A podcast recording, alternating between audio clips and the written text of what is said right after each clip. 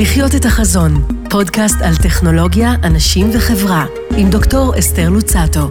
מתארח, דוקטור אסטורה מודונה. שלום לכם וברוכים הבאים לעונה השנייה של הפודקאסט לחיות את החזון. איתי דוקטור אתי לוצטו, כאן ברדיוס 100 אה, FM. פודקאסט על חדשנות טכנולוגית ועל אנשים שעומדים מאחורי המיזמים הגדולים, שמשפיעים על החברה ומשנים את חיינו. אתם יכולים להאזין לנו במגוון פלטפורמות, באפליקציה, באתר, בספוטיפיי, באפל פודקאסט, בגוגל פודקאסט של רדיוס 100 אה, FM, והפעם אני מארחת את אה, דוקטור אסטורה מודרנה. מודר, מודנה. מודנה, שלום, מודנה, שלום וברכה. שלום לך. אני מבינה שאתה היום, זאת אומרת, אה, ויש לנו אולי איזושהי נגיעה משותפת, של, אתה מגיע מאיטליה, ממילאנו, גם בעלי, כפיר, משפחתו הגיע ממילאנו, ובעצם לעלות לארץ זה משימה די מאתגרת בהרבה מאוד מובנים. אה, ובסופו של, זאת אומרת, מה שאנחנו רואים שעלית והצלחת בגדול. אז בוא תשתף אותנו קצת. אני לא יודע אם הצלחתי בגדול, אבל בוא נגיד שהישראל של היום היא לא מה שהיה לפני אולי 50 שנה, כמו שסיפרת לי שהמשפחה שלך עלה. עכשיו דווקא אני מאוד דוחף אה, איטלקים לעלות בארץ, כי ישראל עכשיו היא מדינה מאוד מאוד אטרקטיבית, כל מה שקשור להייטק ובכלל. אה, אז דווקא זה, עכשיו לעלות זה, זה ממש אה, לעלות רמה, לא רק לעלות לארץ, זה גם לעלות רמה בכל מיני דברים, ובטח בקשר להייטק שאני עובד בו. ההכשרה שלך בלימודים היו בארץ? עשיתי, קצת למדתי פה בארץ, אבל בעיקר עשיתי דוקטורט בפיזיקה בלונדון, באימפיריאל קולג'. עשיתי אפילו פוסט-דוק בפוליטקניק בצרפת. ואז החלטתי שמספיק לי קצת עם המחקר, ודווקא הלכתי לכיוון הביזנס. הצטרפתי לחברת מקינזי, שזו חברת ייעוץ אה, גדולה, בפריס, אה, ואז בעצם עליתי ארצה אה, לפני כ-20 שנה. בעצם התחלתי לעבוד בהייטק ובהון סיכון לפני 20 שנה. זה מה שהביא אותך לארץ בעצם? לא, הגעתי בעיקר בשביל הציונות, אבל כמובן זה היה גם חיבור טוב עם מה, ש, מה שלמדתי, מה שעבדתי. אה, הארץ, אז היה 2001, היה, היה כמובן הייטק היה... אחרי משבר הבועה. ש... כן, היה, היה תקופה, היה גם אינתיפאדה שנייה, גם משבר הבועה, אבל uh, חשבתי שזה המקום הנכון uh, להתחיל את הקריירה שלי בהייטק, ובטח גם מטעמי ציונות. ובעצם, אה, עם מה התחלת בהייטק? הקמת חברה? איך התחלת לא, את הצדדים? לא, דווקא התחלתי לעבוד בקרן הון סיכון אחרת, אה, בשם מיזרו סיד. אה, זו קרן שהקימו ג'ונתן מדווד וניל כהן. אם אתם זוכרים, אם אתם מכירים, ג'ונתן מדווד הוא גם המנכ"ל של ארקראוט. בזמנו היה לו קרן של כזה 200 מיליון דולר, אז אני הצטרפתי אליו בשם, לכל מיני השקעות בתחום התקשורת, פיזיקה וכאלה. אז באת מהכיוון של הכסף, ואיך עם הטכנולוגיה נפגשת? אה, טוב, טכנולוגיה, אני פיזיקאי, אז כן, יש ברור. לי רקע לא קטן, דווקא חיפשו מישהו ש... שיהיה לו רקע בתקשורת אופטית, אז uh, היה לי לא מעט uh, נגיעה באופטיקה, בלייזרים וכאלה. אז ככה התחלתי, ומשם עברתי לכל מיני תחומים. התחום שדווקא אנחנו יותר עובדים עכשיו זה תחום האנרגיה. ובעצם מדברים על חזון, אז כשהת... עדיין במסגרת ההון סיכון, קרן ההון כן, סיכון? כן, כן, כן, אנחנו הקמנו את טרה, שזה אחרי העבודה שלי באיזרוסיד, בעצם עשיתי איזה סטארט-אפ, ואז החלטתי להקים קרן משלי, יחד עם שותפי הרולד. אה, ואז רציתי באמת לפתור את בעיית האנרגיה. אה, כשאתה אומר לפתור בעיית אנרגיה זה מושג מאוד רחב. כן, אז, אז... אז החזון שלי התחילה באמת בדוקטורט, כלומר הלכתי ללמוד פיזיקת פלזמה. שזה התחום שבו מנסים לפחות לפתור את בעיית היתוך גרעיני, mm-hmm. שזה אחד מה, מהשיטות הכי מעניינות, אבל מאוד מאוד קשות לפתור את בעיית האנרגיה נקייה. ואז אה, ללכת לאנרגיה גרעינית בעצם? כן, זה אנרגיה גרעינית, אנר... אבל היתוך גרעיני, שזה mm-hmm. הרבה יותר נקי ממה ש... mm-hmm. מה... מהפישן. ובעצם הייתי שם ארבע שנים, הבנתי שזה הולך לקחת עוד הרבה שנים, דרך אגב עכשיו אני מקבל דילים בתחום, אחרי יותר מ-25 שנה מאז שעשיתי את הדוקטורט, ועדיין אומרים שיש עוד 20 שנה כדי לפתור את הבעיה בהיתוך גרעיני. אבל תכלס החלטתי ב-2006-2007, זה היה בדיוק לפני המשבר הפיננסי, אה, להקים קרן הון סיכון בתחום הקלינטק, מה שהיה אז הבאזוורד, שזה בעצם לנסות לפתור את בעיות האקלים, לפתור את בעיות הזיהום דרך אנרגיה נקייה, אה, טכנולוגיות סביבתיות, טכנולוגיות מים וכולו. אה, אחרי זה היה משבר פיננסי שקצת תקע לנו, כי לא יודע אם אתם זוכרים, אז היה באמת הרבה... ב-2008. כן, 2000, mm-hmm. לפני המשבר הפיננסי היה הרבה דיון על אקלים. אה, היו כבר כל מיני רגולציות מעניינות שדחפו אנשים להיות יותר סביבתיים.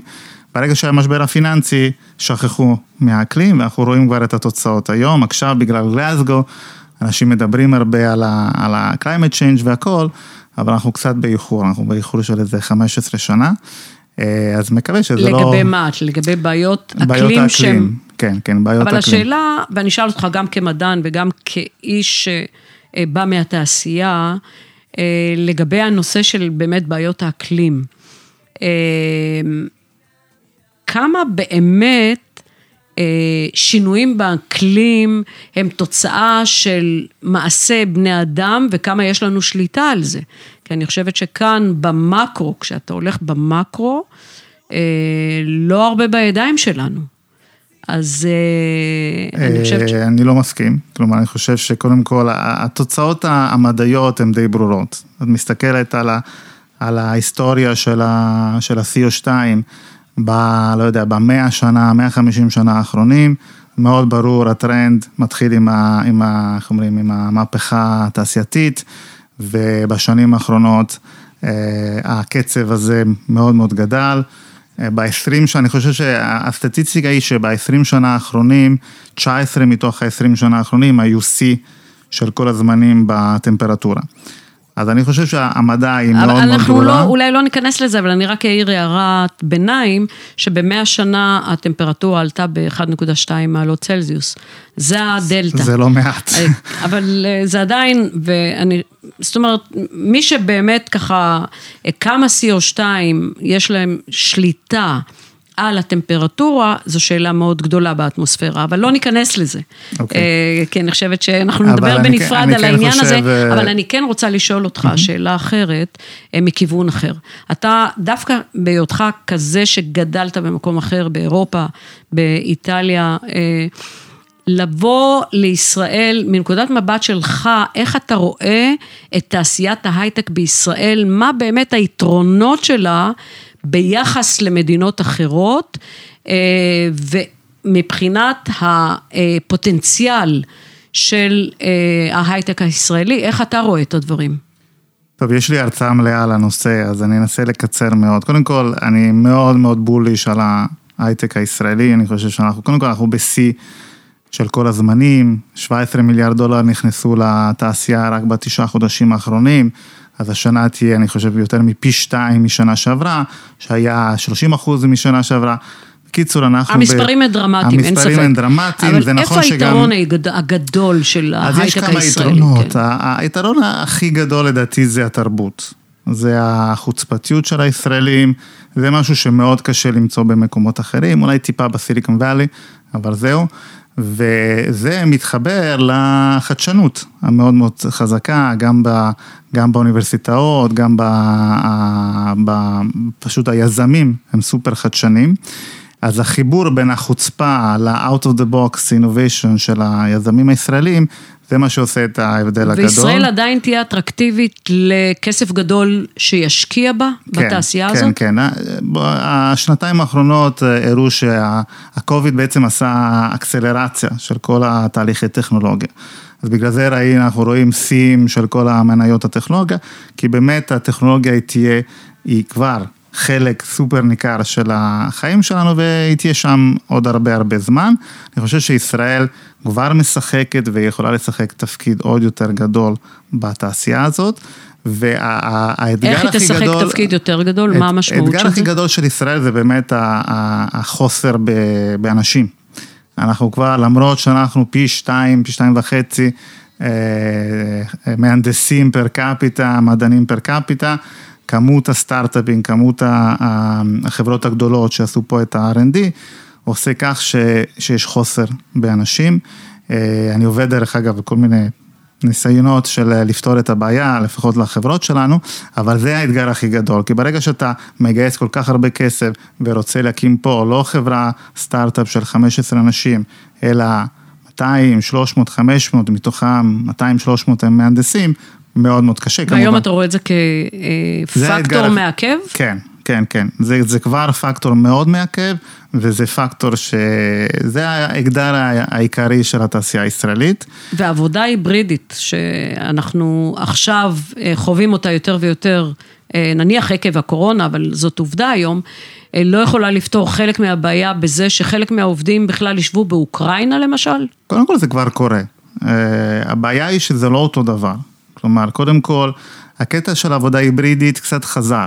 כלומר, זה נכון שהיה, נגיד לפני שנה היה הרבה עבודה היברידית, רוב החברות שלנו חזרו למשרדים.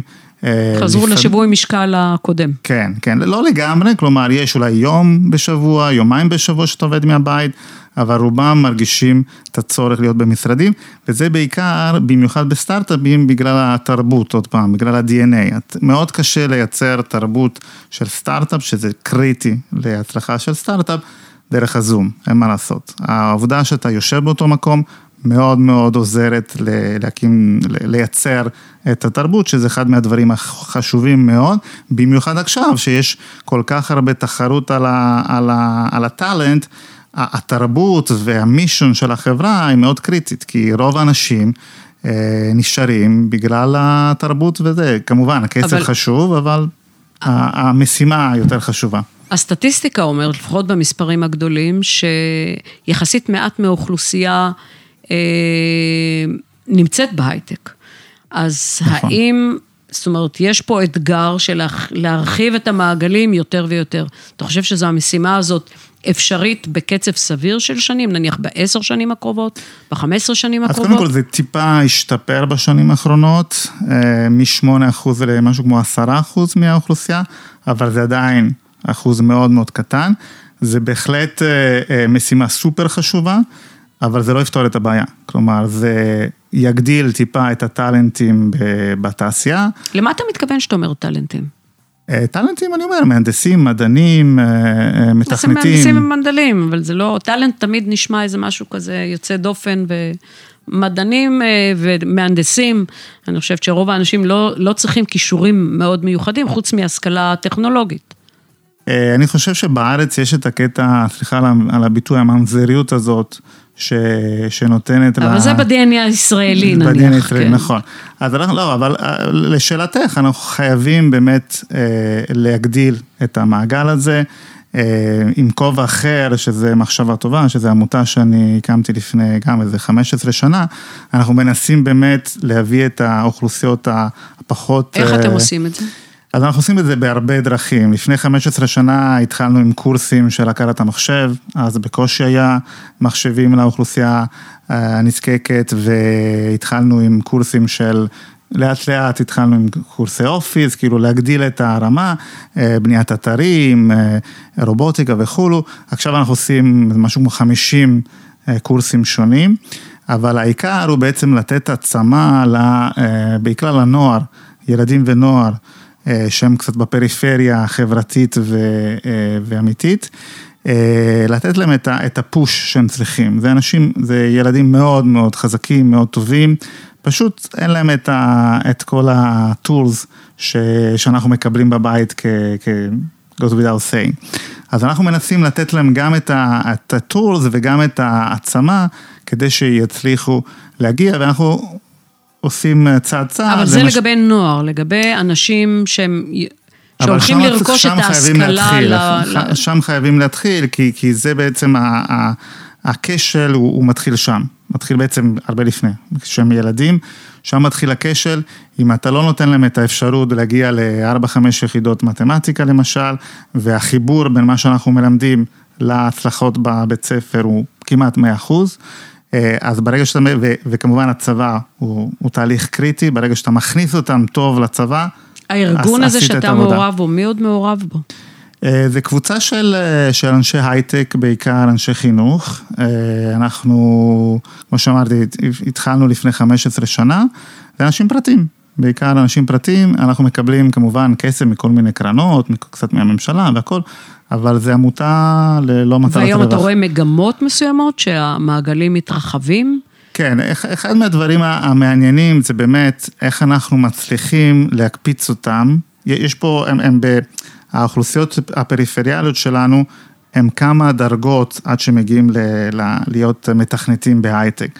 אז אנחנו מנסים עכשיו לעשות, יש לנו פרויקט בשם סטארט-אפיסטים, לקחת את האליטה שלהם וממש לתת להם את ה push להיכנס ליחידות הטכנולוגיות של הצבא. אז זה למשל טרנד מאוד משמעותי שאנחנו מנסים לעשות. זה לא מספרים ענקים, אנחנו מדברים על משהו כמו 50, 100 אנשים, 100 ילדים בשנה, אבל זה, זה, מתחיל, זה מתחיל לעשות אימפקט, ואנחנו רוצים פשוט לעשות את אותו דבר, רק בכמויות הרבה יותר גדולות, כדי לתת פוש במספרים יותר גדולים, כן. כן, במספרים הרבה יותר גדולים. לגבי החברות הטכנולוגיות, שנניח הקרן אה, שלכם מעורבת, אה, יש איזושהי התייחסות אה, לפתוח חברות בפריפריה הגיאוגרפית של מדינת ישראל, או ש... אז אנחנו, קודם כל, אנחנו התחלנו לפני שמונה שנים חממה ביוקנעם. זה היה חממה של הרשות החדשנות, חממה פריפריאלית. ויחסית לחממות גם אחרות, אנחנו הצלחנו גם להביא את היזמים מהמרכז לפריפריה אפילו, לא רק להקים חברות בפריפריה, אפילו להביא את היזמים. אז היו כמה מקרים מאוד מוצלחים של חברות שהתחילו בחממה שלנו, שני אנשים וחתול, ועכשיו הם חברות של כמעט 100 אנשים וכולם בצפון. אז וכל כל התוש, כל המתכנתים בצפון. עכשיו, יוקנעם זה לא, זה לא סופר פריפריה, אבל אתה בעצם לוקח מכל האקוסיסטם של הצפון, אז מתחילים ככה. אה, החברות האחרות הן עדיין ברחובות, קצת בתל אביב, אין מה לעשות, יש, יש אה, מיקוד של, ה, של התעשייה בין חדרה לגדרה, כמו שאומרים. אני חושב שזה אחד מה, עוד מהאתגרים של המדינה, לנסות לדחוף. אבל זה, אתה יודע, גם הסיפור של התחבורה הוא מאוד קריטית. עד שלא יהיה תחבורה אה, ציבורית רצינית בארץ, מאוד מאוד קשה אה, להביא את הפריפריה למה ש... ומההיכרות שלך אה, את הקהילה של ההייטק, אתה חושב שיש פתיחות ויש רצון לשתף פעולה כדי להרחיב את המעגלים של האנשים בהייטק, בעבודה? לגמרי, אני חושב שהאוכלוסייה ההייטקיסטית היא מאוד מאוד איכותית, היא, הקטע החברתי הוא, הוא מאוד מאוד חזק גם אצל כולם, אצל כל היזמים, אבל זה לא צריך לבוא על חשבון היעילות וה, והעבודה. כלומר, ההייטקיסט קלאסי אומר, אני עושה הכל כדי שהחברה, לעזור לחברה, אבל הוא קיבל כסף ממשקיעים, יש לו כל מיני fiduciary duties, כמו שאומרים, לעשות את המקסימום שאפשר.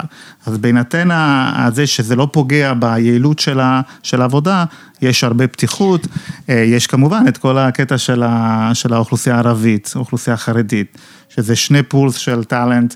אה, של, של עובדים. מאגר שממנו, מהם כן. אפשר אה, מאגר להכניס וזה, יותר. וזה משהו ש, שזה בהחלט עוד אתגר מאוד חשוב, שמשם אפשר כבר אה, להביא הרבה פתרונות. איפה אתה רואה את התפקיד של המדינה בלנסות אה, לשפר, לשנות? מה המדינה יכולה לעשות אה, שיכולות לקדם את התהליכים האלה?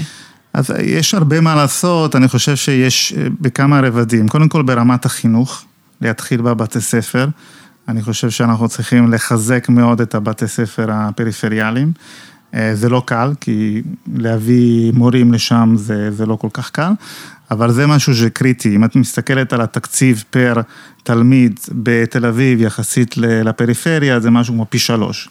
אז זה לא, זה לא חוכמה גדולה, זה ברור שאם אתה משקיע פי שלוש, אתה גם מקבל, אתה מקבל יותר, במיוחד שזה אוכלוסיות יותר חזקות.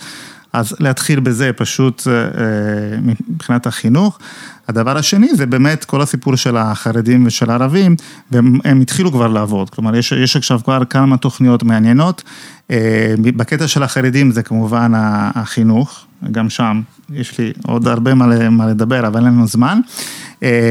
בקטע של הערבים, אני חושב שהקטע החשוב הוא לתת להם את הניסיון הראשון. אחת מהבעיות הקשות של ה... בכלל, של כל מי שמתחיל לעבוד, גם אם יש לו רקע הנדס, מהנדס, הנדסאי, זה הקטע של העבודה הראשונה. אף אחד לא רוצה לקחת מישהו שאתה צריך הרבה זמן כדי כדי, אה, כדי, איך אומרים, לתת לו את, ה, את, ה, את הניסיון הראשון. אז זה משהו שהמדינה יכולה לעשות הרבה, כלומר, לתת הרבה כסף, הרבה אינסנטיבס, או אפילו לתת אה, עבודה. לאוכלוסיות הפריפריה. אגב, אני חושבת שמבחינת תוכניות על הנייר יש. כן, כן, אז אני אומר, התחילו לעבוד על זה, התחילו, בהחלט, כן. התחילו לעבוד על זה, זה נקודה מאוד חשובה, כי ברגע שיש לך מהנדס, אפילו הוא מערבי, שיש לו שנתיים, שלוש של ניסיון, והוא כבר הוכיח שהוא עובד טוב, אז כולם ייקחו אותו, זה לא, זה לא בעיה, אבל המשימה, העבודה הראשונה זה... זה מאוד מאוד קשה.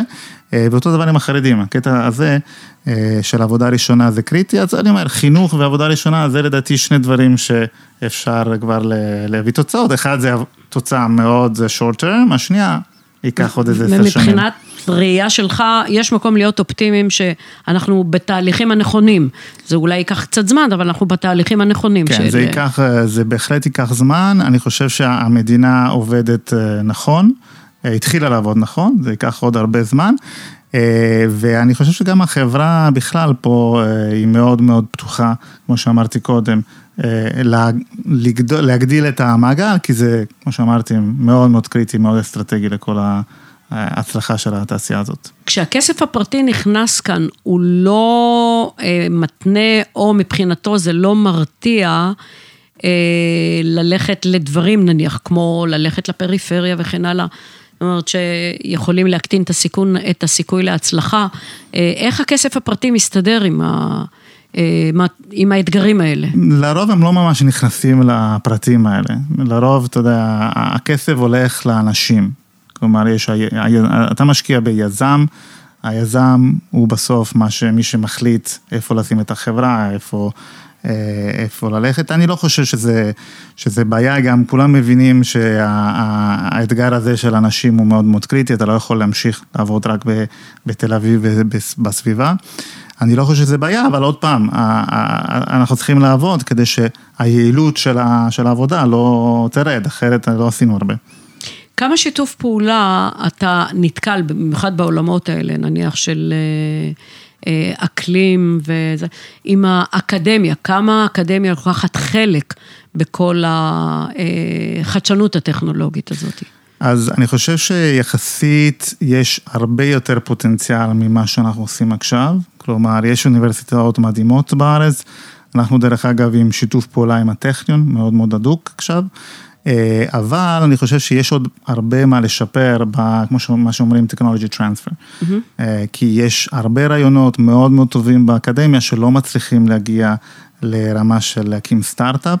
וזה מכל מיני... למרות שחלק גדול, מה, כמובן, אני חושבת שרוב האוניברסיטאות, אם לא כולן, אה, הרי הקימו חברות בתוכן נכון. לנושא הזה של טיפול ב-IP שנוצר שם, בחדשנות אה, טכנולוגית שנוצרת שם. נכון, אבל, אה, אבל יש, יש עוד דרך לעשות. כלומר, אני חושב שגם מבחינת המודלים של ה licensing, אפשר לשפר מאוד, זה עדיין מאוד מסובך, אין איזשהו template אה, אז בעצם כל פעם יש משא ומתן מאוד מאוד ארוך עם האוניברסיטה, אה, וזה מרתיע רוב המשקיעים. אתה נתקלת בזה? כן, כן, אנחנו דווקא מאוד מנסים, עשינו איזה שלוש השקעות אה, עם technology transfer מהאוניברסיטה, ואנחנו מאוד רוצים לעשות הרבה.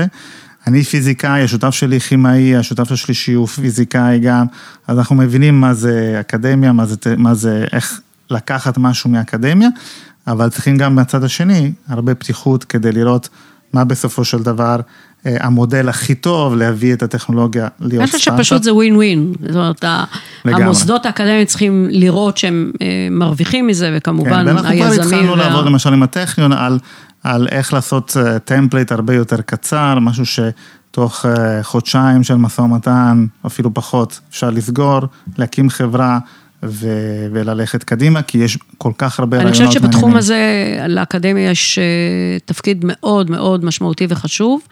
אה, אגב, אני בוועד המנהל של אוניברסיטת בן גוריון, אה, אז באוניברסיטת בן גוריון עם מדרשת שדה בוקר, כמו שאתה יודע, יש להם הרבה פיתוחים בתחומים האלה, נכון. ואני יודעת שיש גם פתיחות מאוד גדולה מבחינת מוסדות האוניברסיטה, לשתף פעולה עם תעשיית ההייטק. אה, ואני חושבת שבהחלט אה, צריך...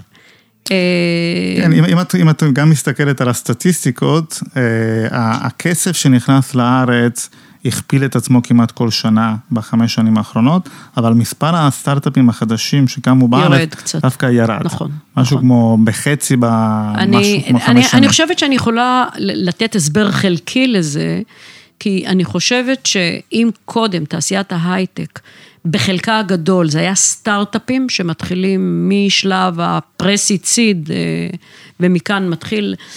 אה, היום אה, מקור הכסף הפרטי פחות משקיע בשלבים של פרסיד סיד.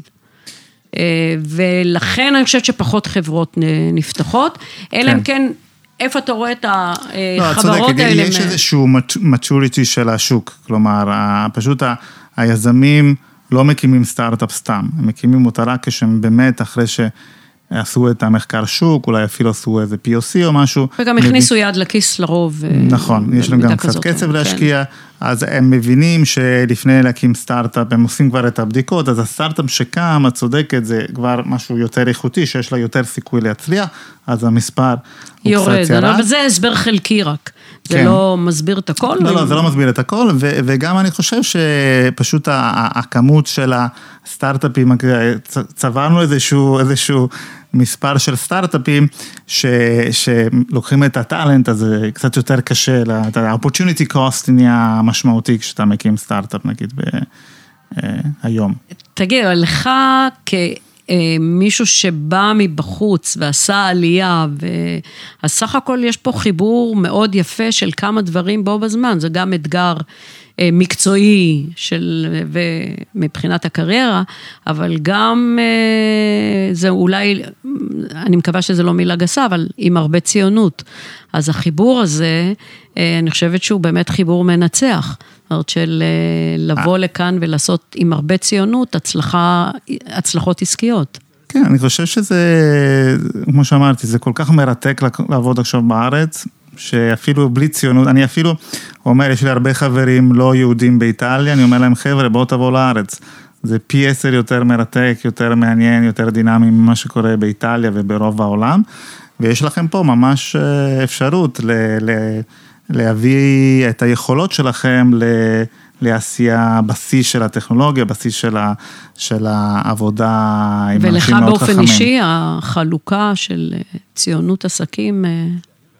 לא, אני מאוד ציוני, וגם אני רוצה לעשות עסקים טובים, כאילו זה, זה מאוד קל, אני לא צריך להחליט. זה כי... סנרגיה אגב, זה לא סתירה. כן, אני לא צריך להחליט, כי, כי ברור שבארץ יש אה, אנשים מדהימים, הזדמנויות מדהימות, אז אני לא צריך להחליט בציונות, זה, זה, זה, שניהם כאילו באותו, באותו כיוון, אז זה קל יחסית. אז אני שמחה שלפחות יש משהו משותף, שהבעל ואתה, המשפחה של הבעל, אה, עשו גם ציונות וגם עסקים, והם אה, הצליחו בשני המקרים, אז... אה, כן, תודה רבה.